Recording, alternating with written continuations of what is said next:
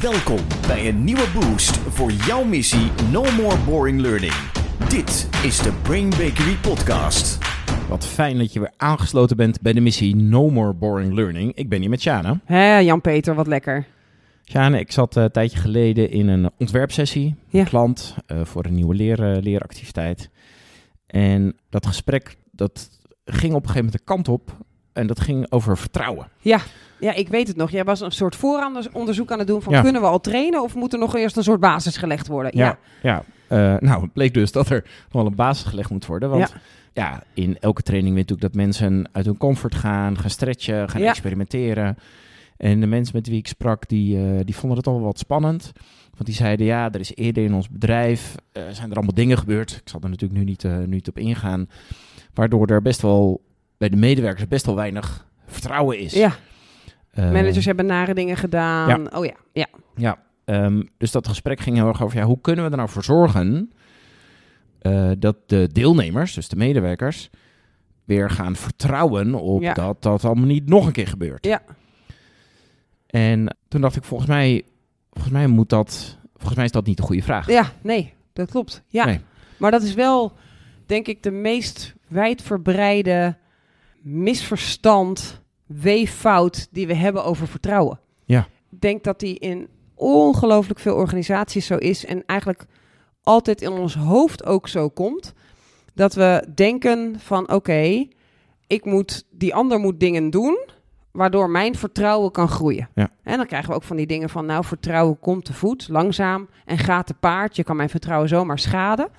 En, en als je daarnaar kijkt, is dat eigenlijk een, een wat oudere definitie van vertrouwen. En ook een die eigenlijk vertrouwen plaatst in je cirkel van invloed en niet in je cirkel van betrokkenheid. Ja. Dat wil zeggen, ik ben afhankelijk van de ander. Als je hem vergelijkt, heel simpel, hele, heel lekker helder voorbeeld is. Stel je voor, jij en ik hebben een relatie. En in mijn vorige relatie ging mijn partner de hele tijd vreemd. Dan zou ik nu in mijn relatie met jou heel goed kunnen zeggen... Nou, wat keek je lang naar haar? Ja. Of eh, waar ga je dan heen? Ja. En mag ik in je Van- van wie is telefoon? dat appje? Van wie Ja. is dat appje? Waarom kijk je zo blij bij dat appje? Ja. Ehm, en dan zou ik dus een heleboel pressure op jou leggen, om, dus zodat jij mij kan gaan bewijzen dat ik je kan vertrouwen. En als je dan een beetje cynisch bent, dan ga ik daar zoveel pressure op leggen dat jij op een gegeven moment denkt, fuck it, ik ga nu vreemd ook. Hè? Dat zou een beetje de, de, de einduitkomst zijn.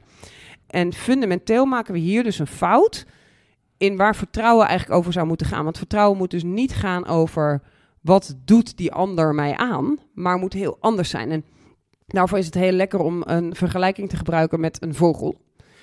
Kijk, als een vogel op een tak gaat zitten, dan is het niet zo dat die vogel denkt: deze tak, die houdt mij. Ik vertrouw erop dat deze tak niet afbreekt, eh, want ja, anders stort ik neer. Ja. Waar de vogel op vertrouwd is, als de tak afbreekt, heb ik vleugels en vlieg ik weg.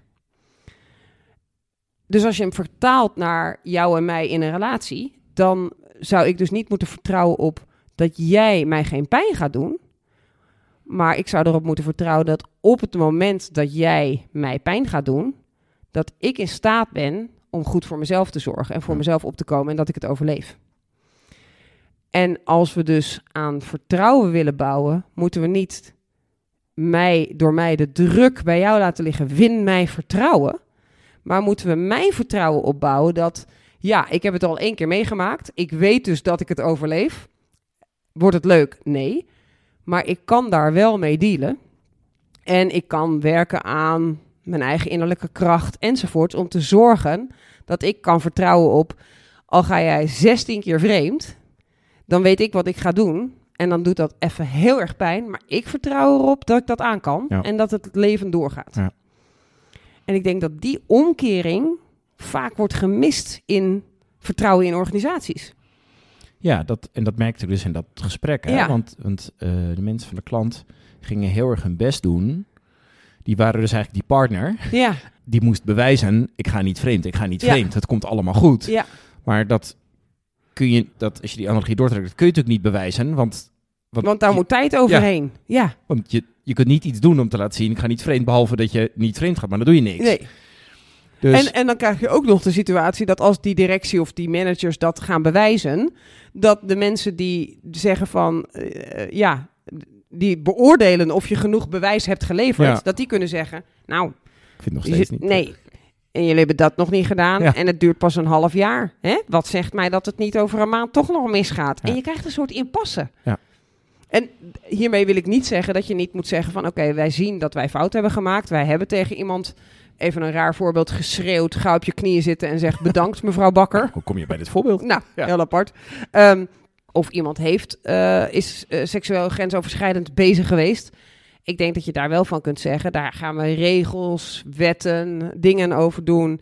Ik denk ook dat je kunt zeggen als partners: hey, ik vertel dus altijd even waar ik ben. Of je mag in mijn Google iPhone mag je meekijken. Je kunt wel dingen afspreken die je doet, maar die leiden niet tot vertrouwen. Nee.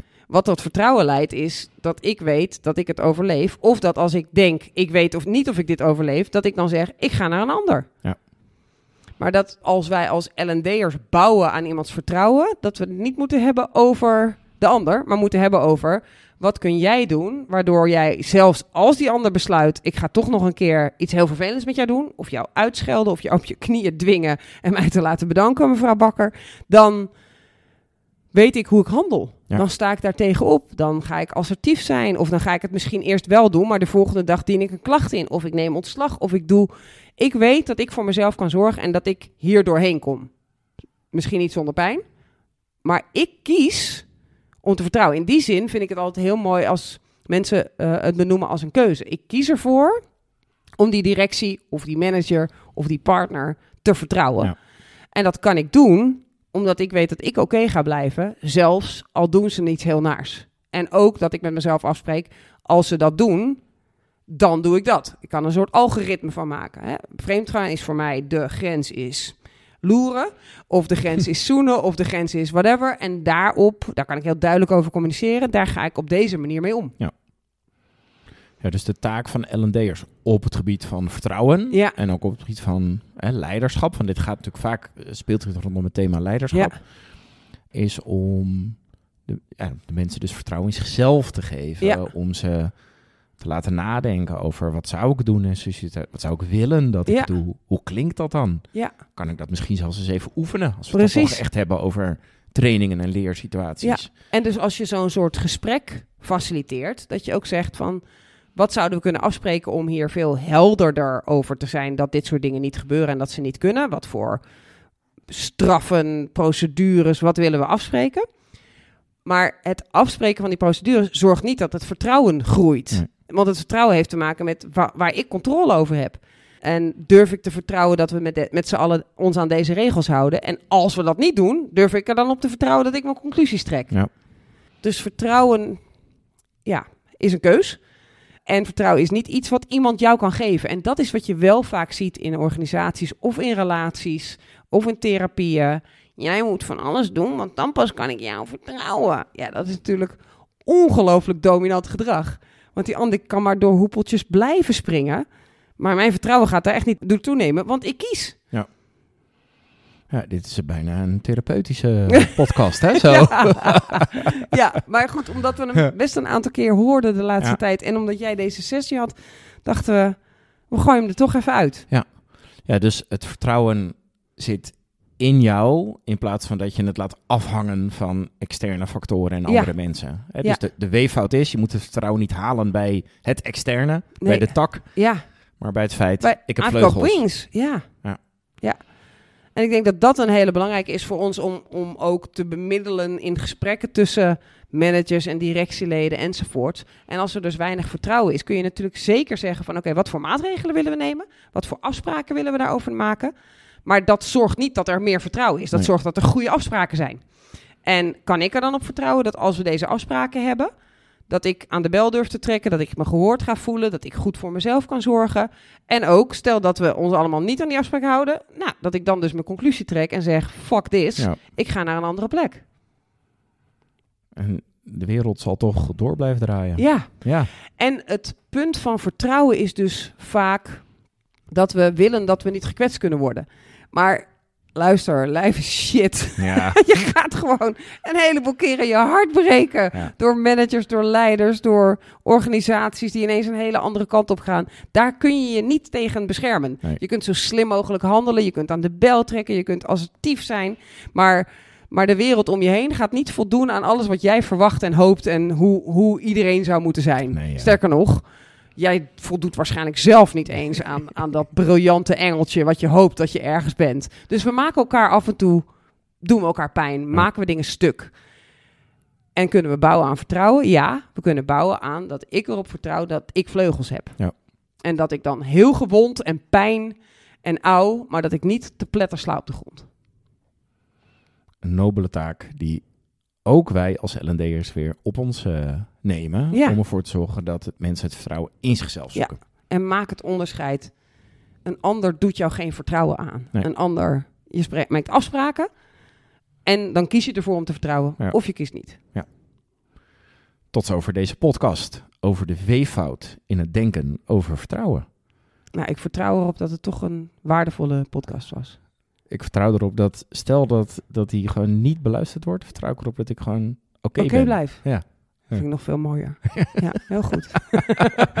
Dank aan iedereen voor het luisteren. Doei. No more boring learning. Dit was de Brain Bakery podcast. Wil je meer weten? Kijk dan op brainbakery.com of volg ons op onze socials.